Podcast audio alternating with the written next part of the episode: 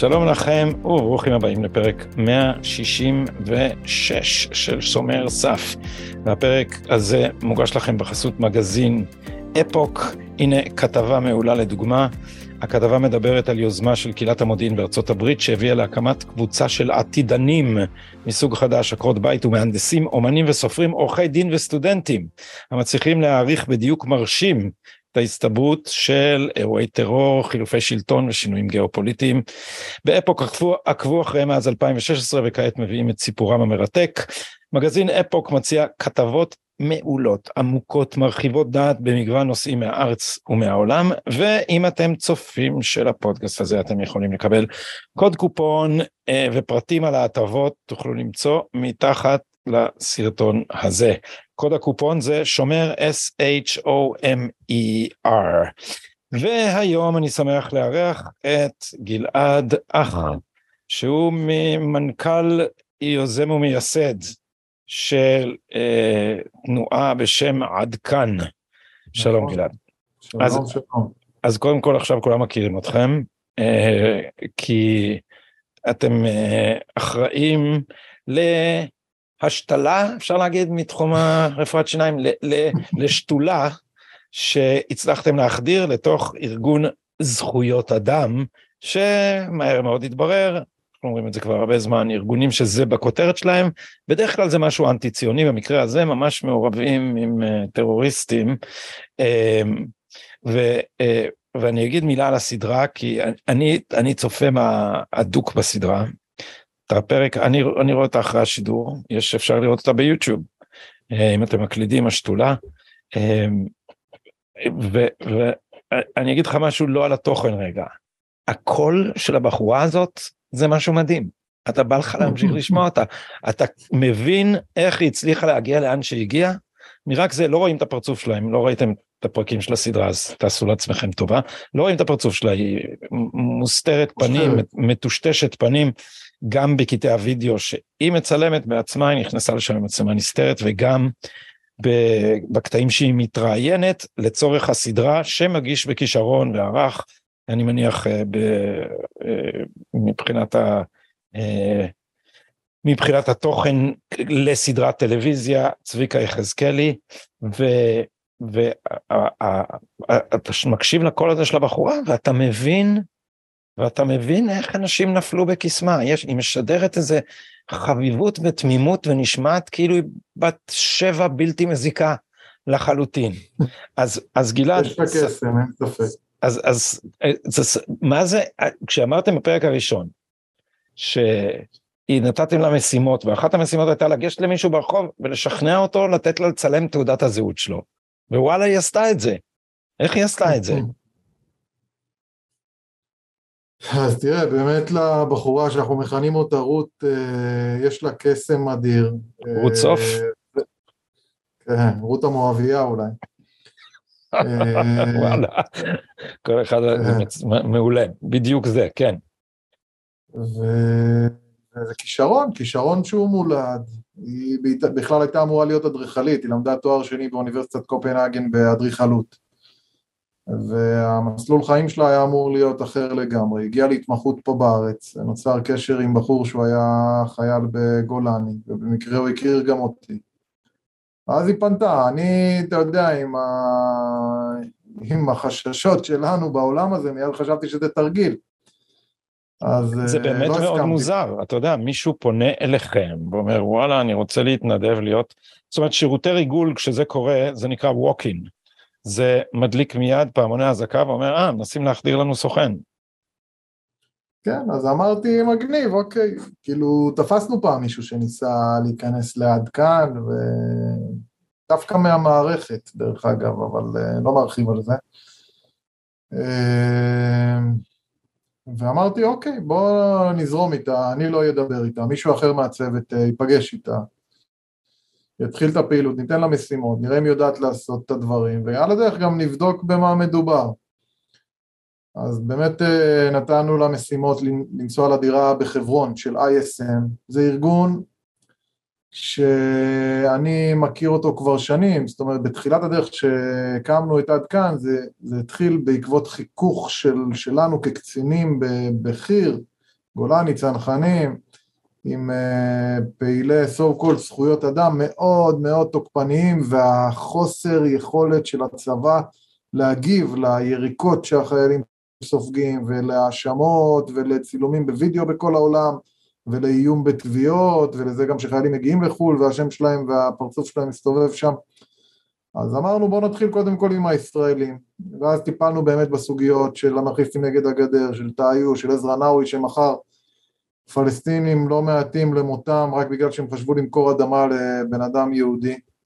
כן, אני, אני, רוצה ש, אני רוצה שנדבר ספציפית על עזרא נאווי והסיפור הזה, אבל קודם בוא נישאר אה, עם השתולה. אז החדרתם אותם, אותה לארגון שמתחפש לארגון זכויות אדם, בפועל זה ארגון תעמולה אנטי-ישראלי, אתה הכרת אותו משירותך. הגיע לדירה של הפעילים האלה בחברון, מה קורה שם? אז היא הגיעה לדירה של הפעילים האלה בחברון באמת, ואתה יודע, זה היה מאוד טבעי, רוב האנשים שם שהיו באותו זמן זה סקנדינבים. כאילו, יש משלחות שמגיעות לארץ, בכל רגע נתון הם מחזיקים סדר גודל של 500 איש שנמצאים פה מסביבנו ב... ביהודה ושומרון, ברמאללה, בחברון, בשכם, בג'נין. אה, לא רק של ה-ISM, גם של ארגונים נוספים, חלקם מגיעים מספרד, מאיטליה, מהוותיקן. אה, ובעצם היא הגיעה לדירה שהיו בה סקנדינבים בחברון, החיבור היה אוטומטי, דיברו בדנית.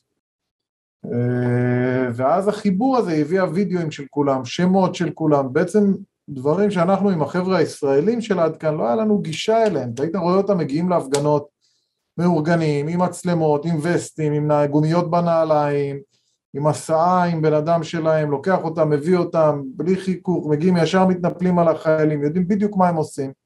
זה נראה גוף מאוד מאורגן, אה, והיא הצליחה לחדור פנימה בשנייה. אבל אה, אה, הדיבורים שם הם באנגלית. מה שמבחינתי הגדיל את החשד דרך אגב, מה? כן, שהיא שתולה הפוכה. למה הם מדברים אנגלית? בהקלטה, בהקלטות, בקטעי הקלטה שרואים צריך להבהיר למי שעוד לא ראה ורק מאזין לנו או צופה בנו ש, שמדובר על מצלמה נסתרת, היא נכנסה להם לתוך דירה בחברון. זאת דירה מאוד מאוד צפופה. יש קטע מדהים שהיא מספרת שאין לה איך להטעין את המצלמה הנסתרת כדי שלא יראו אותה, אז היא ישנה ליד תקע עם המצלמה על הבטן, או אני לא זוכר איפה היא מסתירה אותה כן. עליה. אבל למה הם מדברים אנגלית אם הם כולם סקנדינבים? לא, מה שאתה רואה בסדרה זה לא את הפעם הראשונה. הפעם הראשונה שלחנו אותה בלי מצלמה, רק כמה נתנו לה לצלם מהפלאפון שלה. כי לא רצינו גם שהיא תיחשף לציוד שלנו, כי לא ידענו מי היא בכלל. אבל היא הקליטה בטלפון שלה וצילמה מצלמות, כאילו היא צילמה איתם, היא אמרה להם אני רוצה מזכרת, צילמה את הלוח, צילמה את האנשים, צילמה את ה... ואז במקרה היה שם אה, אה, קבוצה של סקנדינבים. ומשם זה הלך והתקדם, שהגיע, אמרו לה, תשמעי, אבל את לא יכולה סתם ככה להיכנס. יש לנו uh, מנהיג בפלסטין, מישהו בשם עבד אל-כרים. ואותו עבד אל-כרים נמצא בטול כרם. אז חזרה, עוד פעם, מישהו דיבר איתה מהארגון, לא אני, הוא אמר לה, קדימה, תיסעי לטול כרם, יש לך אזרחות uh, שוודית. נסעה לטול כרם, נפגשה עם אותו עבד אל-כרים. מסתבר שהוא uh, ישב שש שנים בכלא על פיגוע דקירה שהוא עשה. הוא דקר מישהו, נפצע כפעיל בחזית העממית.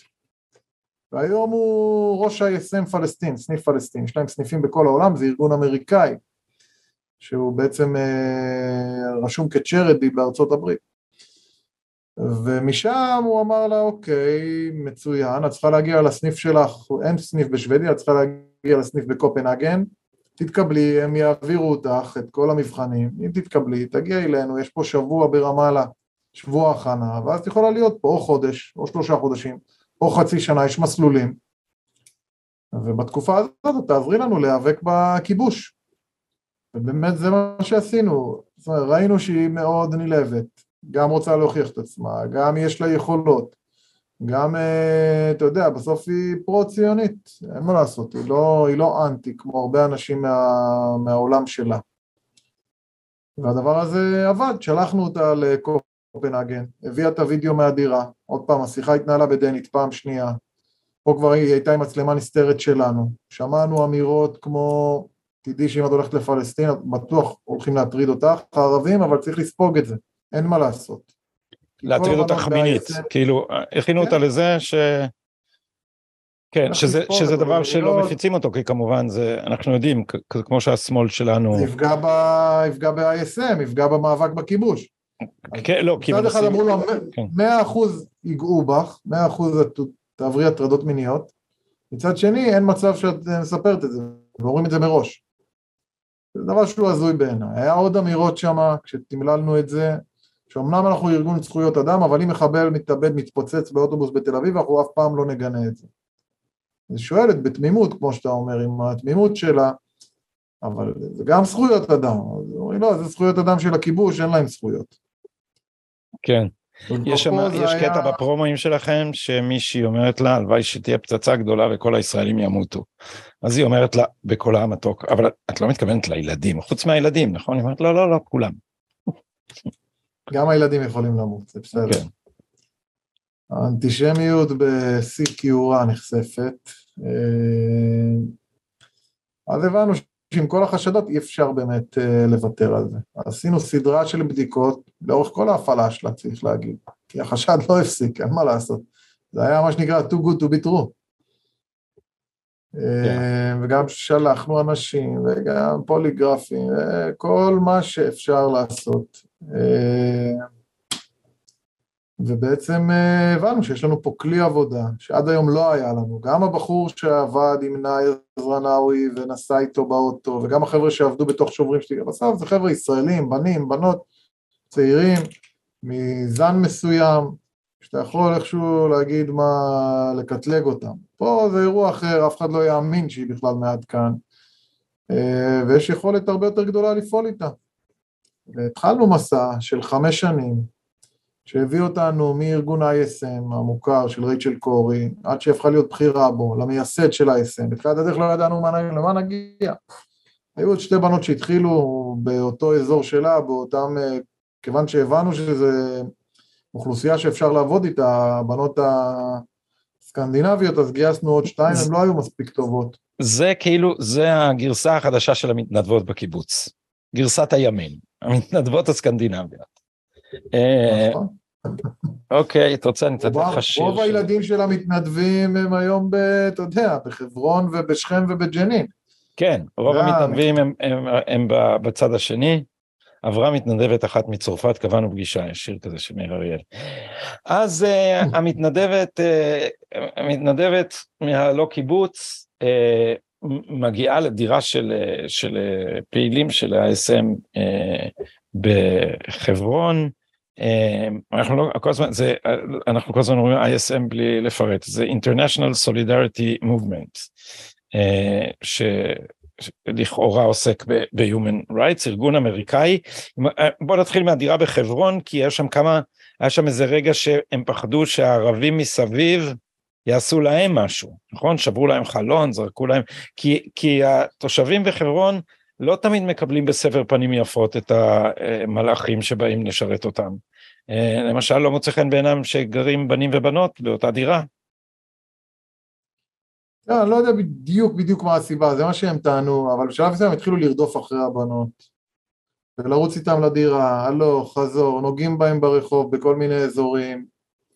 היה מאוד קשה, ואתה יודע, התחיל להיווצר, כמו באוכלוסיות אה, נחשלות, כשיש זרים בסביבה, ויש אגרסיות באוויר, התחיל להיווצר אווירה רעילה, והתחילו לסגור על הדירה שלהם, היא כבר הייתה ארבעה חודשים באירוע, זאת אומרת זה לא, פעם, זה לא היום הראשון שלה, כבר ארבעה חודשים היא נמצאת בחברון, עברה לדירה ברמאללה, עברה לדירה בשכם, חזרה, נסעה, כל פעם הם מחליפים טיפה בין הקבוצות, פעם בשבוע יש להם קור מיטינג עם פגישה עם אנשים מהרשות הפלסטינית ומה-ISM מכל רחבי יהודה ושומרון שבאים לתת תוצאות, זאת אומרת היא כבר פעילה בכירה בסיטואציה הזאת.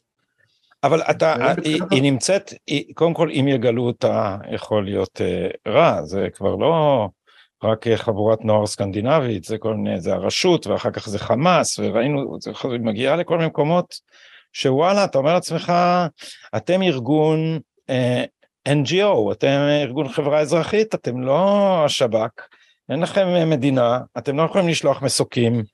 איך אתם לוקחים אחריות על מישהי שנמצאת במקומות האלה ויכולה לסכן את חייה? קודם כל, הדבר שהכי חזק בדברים כאלה זה הסיפור כיסוי. זאת אומרת, אנחנו בונים את הסיפור כיסוי ומשקיעים בו כל כך הרבה, וברוב הפעמים הוא אמיתי, הדבר היחידי ששונה זה הדעה של הבן אדם, זה באמת מהמקום שהיא אמרה, באמת עם השם שהיא אמרה, ו, ובאמת אנשים שם נמצאים בטייפקאסט שלה ו, וחיים. הדבר השני, כשמגיעים לתקופות או לזמנים שהם בעייתיים או לפגישות מיוחדות, לצורך העניין, נפגשתי עם ראשי החמאס באירופה כמה פעמים, לא רואים את זה בסדרה, אבל היה שם הבטחה של חבר'ה חמושים, חלקם של... ישראלים, חלקם לא ישראלים. של, בכיסוי, של מי? מבין? של מי? או חבר'ה שלנו שבאותו זמן עבדו באבטחה של הקהילות, או חבר'ה שבאו מהארץ, או חבר'ה מקומיים, פעם אחת שכרנו חברת שמירה מיוחדת בריטית שהמנהל שלה הוא ישראלי, אבל כל החבר'ה הם בריטים, שיושבים באותו בית קפה שהיא יושבת עם אותו זאהר ביראווי. ויושבים שם שתי חבר'ה חמושים, שאם משהו מסתבר, חוץ מזה שיש עליה גז מדמיע ועלה טלסקופית ולחצן מצוקה. זאת אומרת, אנחנו די מאורגנים. אבל, אבל בכל זאת הם שולחים אותה למשט? אתה יודע, אתה... משט, אתה... באמת, המשט בפלרמו, גם במשט היה מישהו ש... שאבטח, מישהו שהגיע מהארץ, זו הייתה אופרציה די גדולה. הגיע בחור מסיירת גולני שהיה, ליווה אותה, אף אחד לא יודע מי הוא, מה הוא, עם אזרחות זרה, ויש אופרציה. הדבר המרכזי שלא היה גישה אליה, וזה כבר אחרי שלוש שנים שהיא בכירה, מאוד בכירה בארגונים, זה הסיפור של ה-11 ימים במים פתוחים בין פלרמו לנמל עזה. ופה תחשוב שהיא כבר... אה, תן לנו את ההקשר, גלעד, למי שלא יודע. מה, מה היא עשתה שם?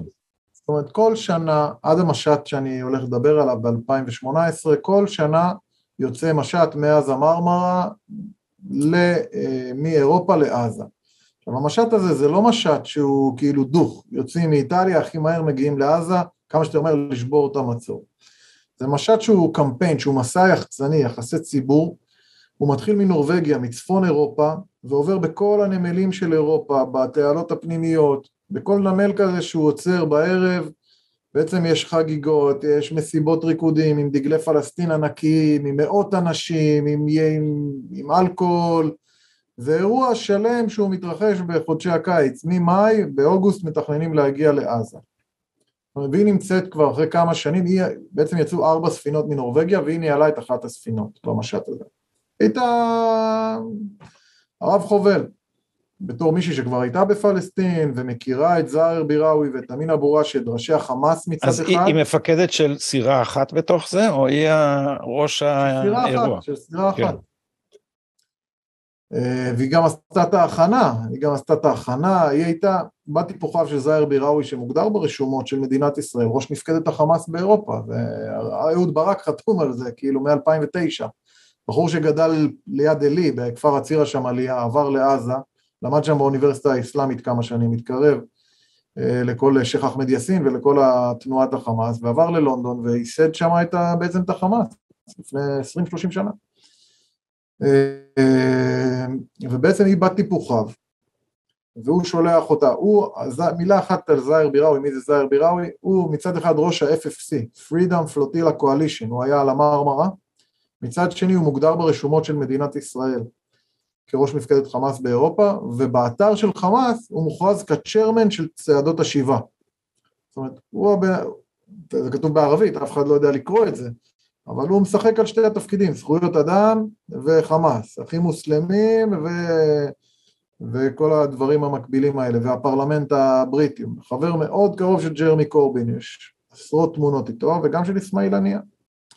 אז זה הבן אדם שהיא עבדה איתו באירופה, בצורה מאוד קרובה, והיא בעצם הייתה נציגה שלו במשט, כשהוא מגיע קודם כל הוא פוגש אותה.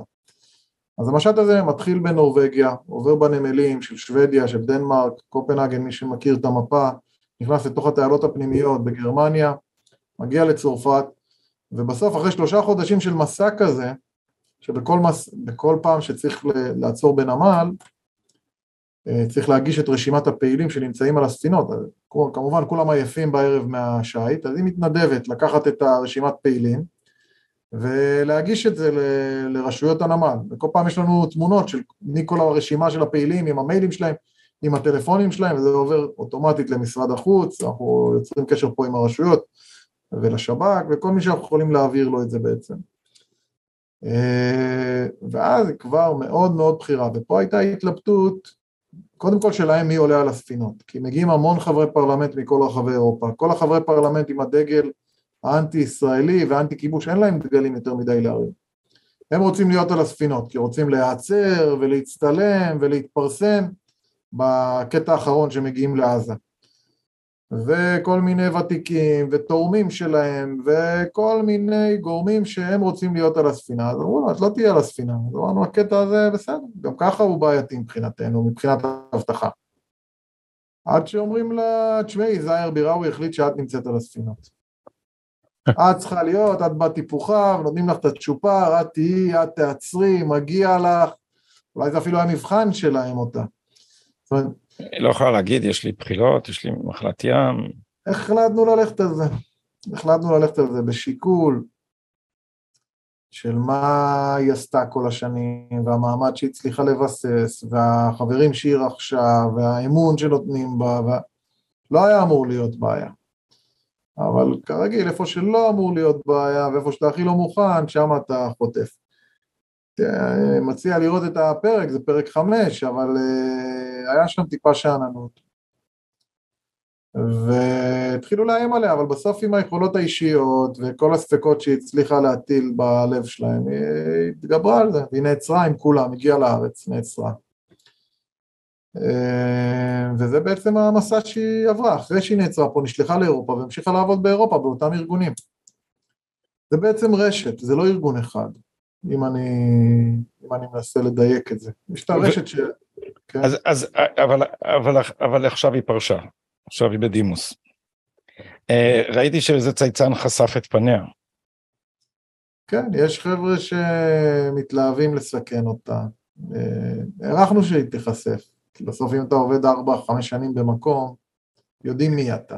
גם, כן, כי... מעניין כי... שדווקא צייצן ישראלי קיבל את המידע עליה ולמי הוא קשור ולמה כן. הם רוצים... זה היה ישראל פריי, נכון? כן, לא יודע כן. מה ההתלהבות שלו לנסות לסכן אותה, אפילו לא מכיר אותה. בוא נגיד שהוא עזר לחמאס, אבל בסדר. כן, בסדר, הוא, הוא, הוא אה, פרובוקטור בשקל, אה, כולם יודעים מי זה ישראל פריי. החשיפה הייתה אבל בלתי נמנעת במובן זה שכל האנשים שעבדו איתה יכולים להגיע לסדרה, אתה יודע, אני מניח שרק עלה הפרומו הראשון ב-ISM כל החבר'ה התחילו להגיד מי זאת מה זה ומהר מאוד שחזרו, אי אפשר לטעות בקול שלה אבל מספיק לראות סצנה אחת בשביל לשחזר והם בטח יש להם אין סוף תמונות איתה, נכון? סלפיז. ברור, לא, אני אומר זה רק מעניין שהם בחרו לשחרר את התמונה שלה דרכו כי ברור שיש פה קשר. אבל... אז, אז היא, היא אה, מרגלת בדימוס עכשיו. אה, איך, איך נפרדתם? אה, קודם כל לא נפרדנו, אנחנו ממשיכים להיות בקשר, אנחנו דואגים לה, גם לאבטחה, גם לפרנסה, גם לכל מה שצריך, אנחנו לא, לא מוותרים על האנשים. אבל כן, הרגישה שהיא עשתה משהו... גלעד זה פעולה כמו מדינתית. זאת אומרת, אין לכם תוכנית להגנת עדים, אבל אני מבין שאתם עוזרים לה ואתם אה, מבצעים את התפקיד ש, ש, ששירות ביון אה, מדינתי אה, מבצע. אתה יודע, זה יחסים בין אישיים, אתה בן אדם שהיית איתו בקשר ועזר לך במשך שנים, לא נוטש, לא מה שלמדנו. היא נוצריה, נכון? היא לא... כן, היא, נוצריה. היא, יש לה איזה כוונות לעלות לישראל? אולי איזה כוונות כאלה? היא מאוד רוצה להיות בארץ ולקבל אזרחות, כן, ואנחנו גם נעבוד על זה, נראה. היא רוצה להתגייר? עד איפה הוא מגיע? לא נראה לי שהיה לה איזה מחשבות כאלה בעבר, אבל עכשיו היא לא בכיוון. וואלה, בחורה באמת יוצאת דופן, זה בלי שום הכשרה, אתה יודע, אנשים שעוסקים בריגול מקצועי, עוברים אה, הכשרה מסובכת מאוד, ארוכת שנים, ממש ככה קפצה למים אה, ואמרה, ג'אז, נאלתר משהו, נכון? אנחנו כארגון, אנחנו משתדלים לא להיות חאפרים. אה, מי שעוקב אחרי הפרסומים שלנו מאז 2016 רואה שיש גרף של למידה. זאת אומרת, אם בפעולות הראשונות נכנסנו לארגון אנרכיסטי נגד הגדר, וצילמנו אותה עם איזה מצלמת חאפר, וראינו שהם הבינו שמצלמים אותם, אבל הם לא בדיוק היה ברור להם הסיטואציה, מי מצלם אותם? חשבו שאנחנו שב"כ, אז הם לא התעסקו, כי עד אז לא היה דבר כזה כמו עד כאן. אז עם השנים העסק הולך ומשתדרג, ווואלה, זה יכול להיות היום כל אחד בארגוני זכויות אדם, so called, או באחים המוסלמים, או בארגוני אסלאם קיצוני, שהוא בעצם עובד של עד כאן. זה גם יכול לקרות. אה, אמר גלעד בסיפוק לא מבוטל. אה, בואו נחזור רגע אל הסיפור של עזרא נאווי, אחרי זה אני רוצה שלפני שניפרד תספר לנו קצת על, אה, על עצמך, על איך קם הארגון וכדומה.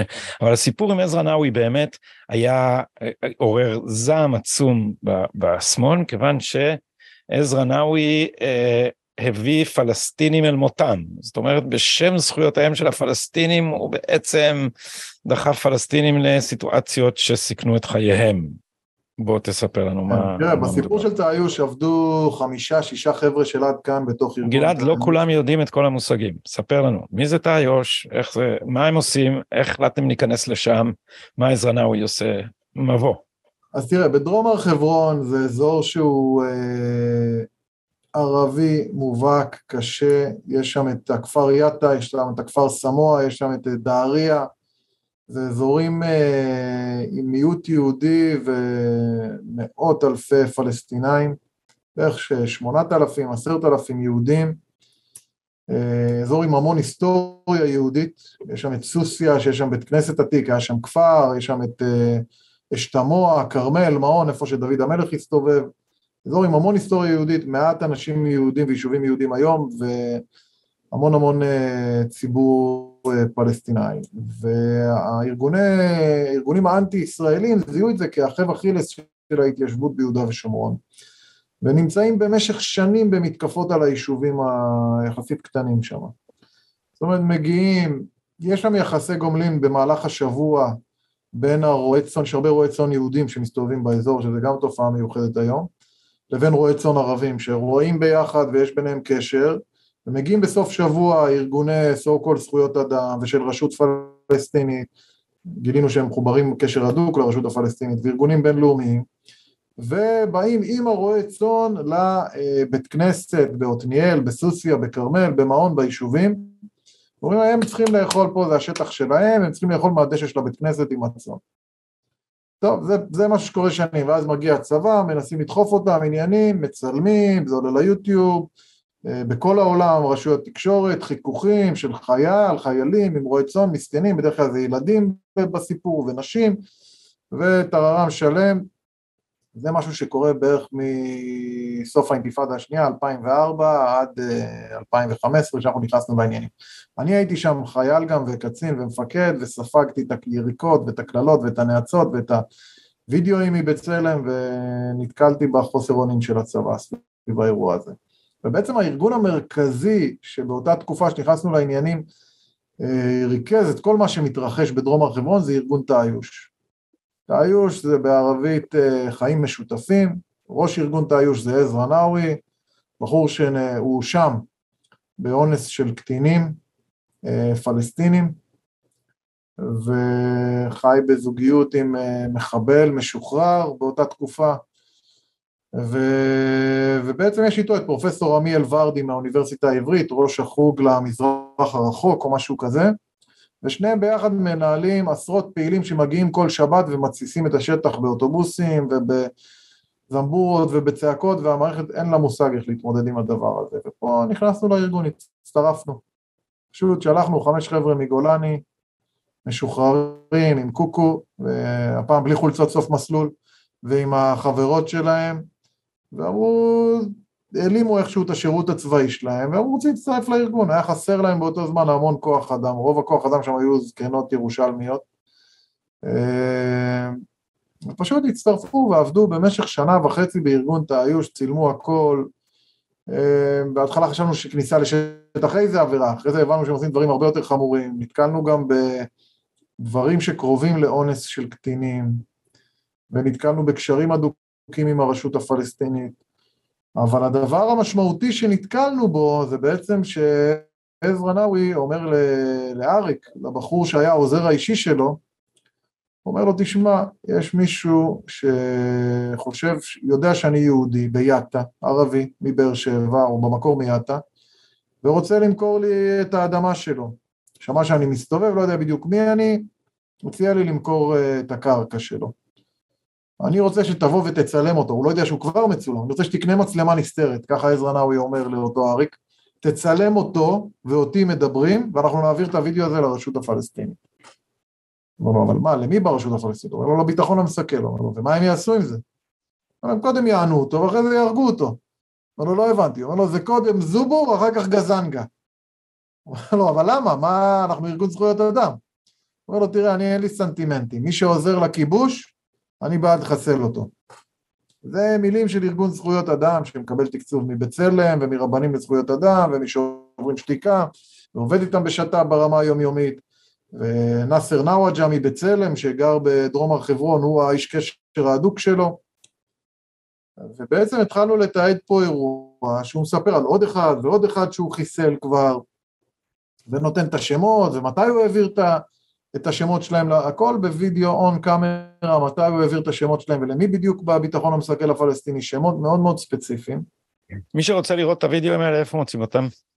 תראה, זה פרק בעובדה, זה נקרא שתולים מהר חברון, מ-2016, אבל יש את זה גם ב- ביוטיוב של עד כאן, הרבה וידאוים על הסיפור הזה, ובעצם כשזה נחשף, פנינו למשטרה, פנינו למשטרה, אמרנו להם, תקשיבו, אחרי שנה וחצי של עבודה בתאיוש, אמרנו להם, תראו, אולי המשטרה בגוש עציון, אמרנו להם, תקשיבו, יש אירוע שבן אדם הורג אנשים כי הם מוכרים קרקעות ליהודים. אומרים לנו, אתם יכולים להוכיח, וזה, אמרנו, כן, בואו תכריזו עלינו כסוכן משטרתי, תנו לנו חסינות, היינו בתחילת הדרך. ניתן לכם חומרים שמאשרים את זה. תוך שבוע, חיים לוינזון עולה לאוטו של עזרא נאווי בדהריה, ואומר לו, למזלנו הכל מתועד, הוא אומר לו, תקשיב, אה, שמעתי שיושבים עליך, זה שיושב מאחורה פה, זה בעצם הבחור מעד כאן, אני, אה, איך אתה יודע שהוא לא שתול? הוא נראה לי שתול, יש אנשים שיושבים, קיצור, היה הדלפה.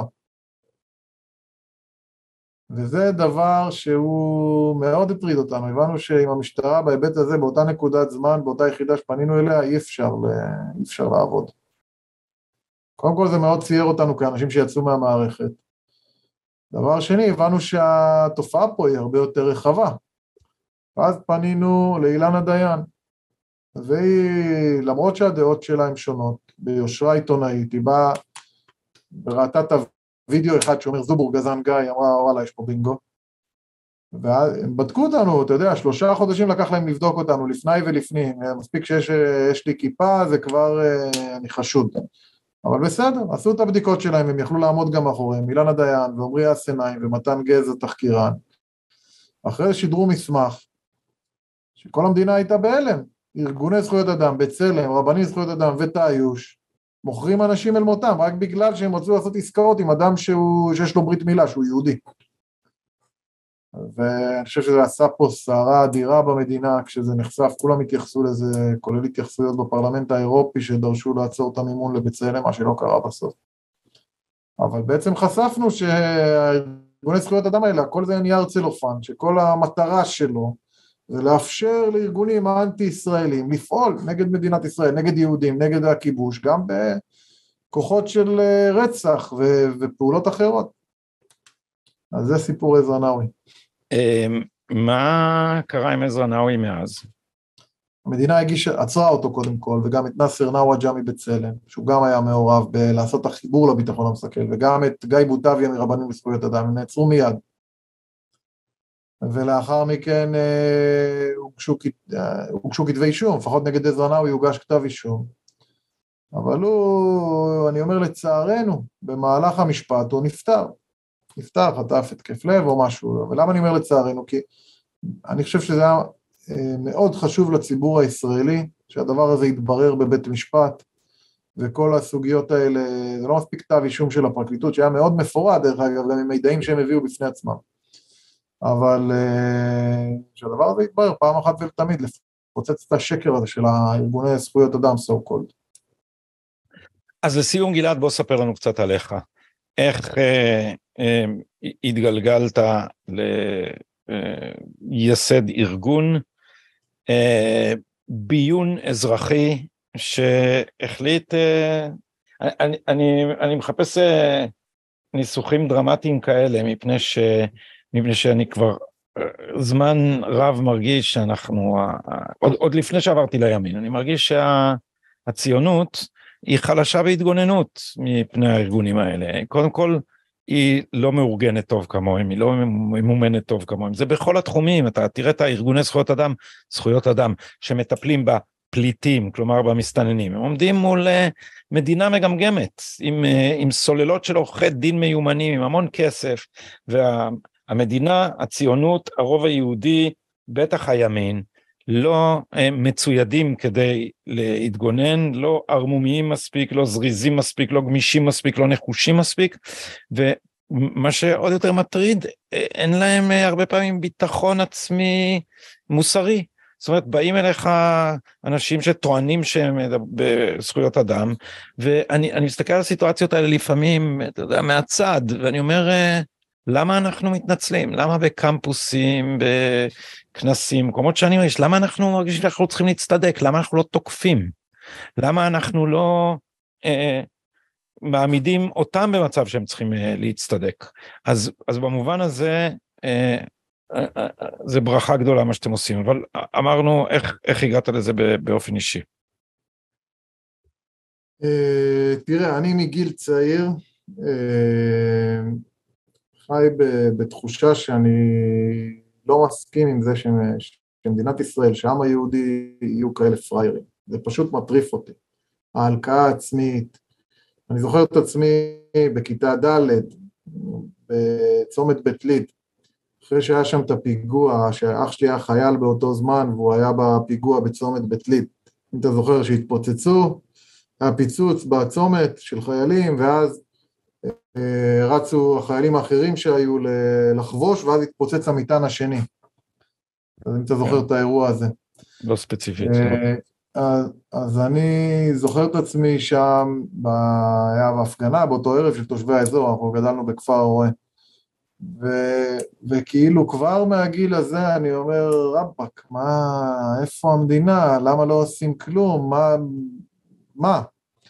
והבלבול הזה והחוסר ודאות בצדקת הדרך זה משהו שמשגע אותי מגיל צעיר. אז אני למדתי בפנימיה הצבאית באור עציון, אחרי זה במכינה בעלי, ואחרי זה התגייסתי לגולני, הייתי שש שנים, היום אני רב סרן במילואים, מפקד פלוגת חי"ר, אה, כבר די הרבה זמן.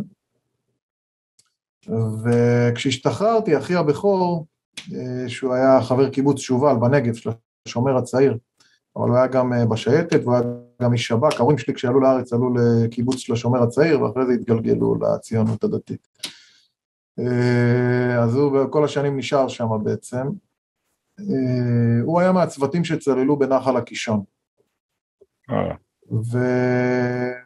והוא חלה ונפטר גם, והוא גם הוכר כנכה צה"ל וכחלל צה"ל, היה לו לוויה צבאית. אה, בגיל 42, בגלל כן, הצלילות שהוא עשה בגיל 18, 19, 20 בקישון. אה, מהבודדים דרך אגב, חלק גדול לקח להם אה, זמן להכיר בהם, אבל הוא בגלל שזה היה מאוד מובהק ומאוד קשור, אז הוא הוכר כנכה צה"ל ואחרי זה כחלל צה"ל, עוד במהלך המחלה שלו. ובעצם בעקבות הפטירה שלו הקמנו גוף שנקרא פורום לישראל ירוקה, בדיוק איך שהשתחררתי, של חבר'ה בוגרי שייטת, בוגרי סיירת גולני, שמתעדים מפגעי איכות סביבה בכל הארץ ומעבירים את זה ל... לרשויות המדינה. אבל גם שם, כאילו ראיתי את אוזלת היד, אספנו מידע על זיהום של נחלים, ממש משאיות ששופכות, מי הנהג, מה המספר טלפון שלו, התייחסנו לזה בכל הרצינות, דפקנו לו בדלת, שאלנו איך קוראים לו, רוצים להזמין ממנו וכולי. הבאנו תיקים, וראינו שפשוט זורקים אותם לפח, במקרה הטוב, אף אחד לא מתעסק איתם, אף אחד אחד לא מעניין אותו. ואז עמדה בפניי אה, צומת של קבלת החלטה, האם אני עכשיו בא ומוותר ואומר אוקיי זה תפקיד של המשטרה הירוקה, של המשרד להגנת סביבה, של המדינה, אה, או שאני מתעקש, ובניתי ביחד עם החברים איזשהו מודל פעולה, שאנחנו קודם כל מעבירים את החומר לרשויות. בהתחלה זה היה עבודה וולונטרית בלבד, הכל בהתנדבות, מעבירים את החומר לרשויות. אחרי זה הם לא, לא מגיבים לנו, אנחנו הולכים ומפרסמים את זה בתקשורת. אם גם זה לא עוזר, אז אנחנו לוקחים את זה בעצם לבתי משפט ותובעים את המדינה בהליכים מנהליים, לפעמים בהליכים אזרחיים, אה, ובעצם המודל הזה התחיל לעבוד. אספנו חומר כל פעם על תופעה, על חציבה פיראטית, על פסולת בניין, על שריפות, על זיהום של מקורות מים, ובנינו תיקים. עם המודל הזה הצלחנו לסגור 70-80 אתרים מזהמים, וקנסות אדירים, כשהמדינה לא רוצה לפעול, הכרחנו אותה. אה, ובאחד הפעמים נחשפנו אה, במחצבה שנבנתה בין היישוב מגדלים לכפר קוצרה, והיינו בתיעוד בתוך שיח עם טלסקופ בגשם, ואחרי זה באנו יום למחרת ונחשפנו שם לאירוע משוגע, שעוקרים או חותכים כרם אה, של אחד היישובים, ומגיע ג'יפ צבאי, והוא אומר להם, תקשיבו, זה שטח צבאי סגור. והם, אה, ניגש אליו עורך דין ישראלי, נותן לו כרטיס ביקור, אומר לו, זה לא שטח צבאי סגור, אתה לא יכול להכריז על שטח צבאי סגור, ומצלמים אותו בווידאו, בינתיים הפלסטינאים מאחורה זורקים אבנים, ועם זמבורות, ופעילים בינלאומיים, וכל הסלט הזה על ארבעה חיילים, כשאני קצין במילואים ואני יודע מה המשמעות של זה מול החיילים שלו, איך שומרים לו את המנהיגות ואיך אין לו יכולת להגיב. כשבחומת מגן ובמלחמת לבנון ובכל האירועים שאני הייתי, ההוראות פתיחה באש היו שונות לחלוטין והיכולת של חייל לפעול היא הייתה מאוד ברורה, אבל פה אתה עם האפוד והנשק, אין לך יכולת להגיב. הוא עולה בקשר ובחמ"ל אומרים לו, אדוני תתקפל, הם יכולים להיות שם, הוא אומר להם, אבל חתכו, אומרים לו, ראית שחתכו, יש תמונות, הוא הופך להיות גם עורך דין, גם שופט, גם שוטר, אה, ובעצם הוא התקפל, הם המשיכו להיות שם, אנחנו היינו כצופים מהצד, ואני באותה נקודת זמן הבנתי שאיכות סביבה זה חשוב, ואנחנו גם נמשיך עם זה, אבל עוד פעם, צומת קבלת החלטה, החלטתי שאנחנו אה, הולכים פה על ארגון נוסף שעובד באותה, באותו מודל של בניית תיק מודיעיני כמה שיותר חזק, ואז עבודה עם התקשורת, עבודה עם בתי המשפט, כדי לסגור את הארגונים האלה בעצם, וכדי לפגוע בפעילות שלהם, כדי להציג לציבור הישראלי ולעולם את השקר ואת האג'נדות האמיתיות. אה, וזה היה ב-2013, ומאז אנחנו בעד כאן אה, עובדים, בונים תיקים. אה, גלעד אח, מנכ"ל ארגון עד כאן והאיש מאחורי הסדרה המעולה, השתולה, אנחנו נמשיך לצפות בה. תודה רבה לך על ההזמן שלך. תודה, גדי.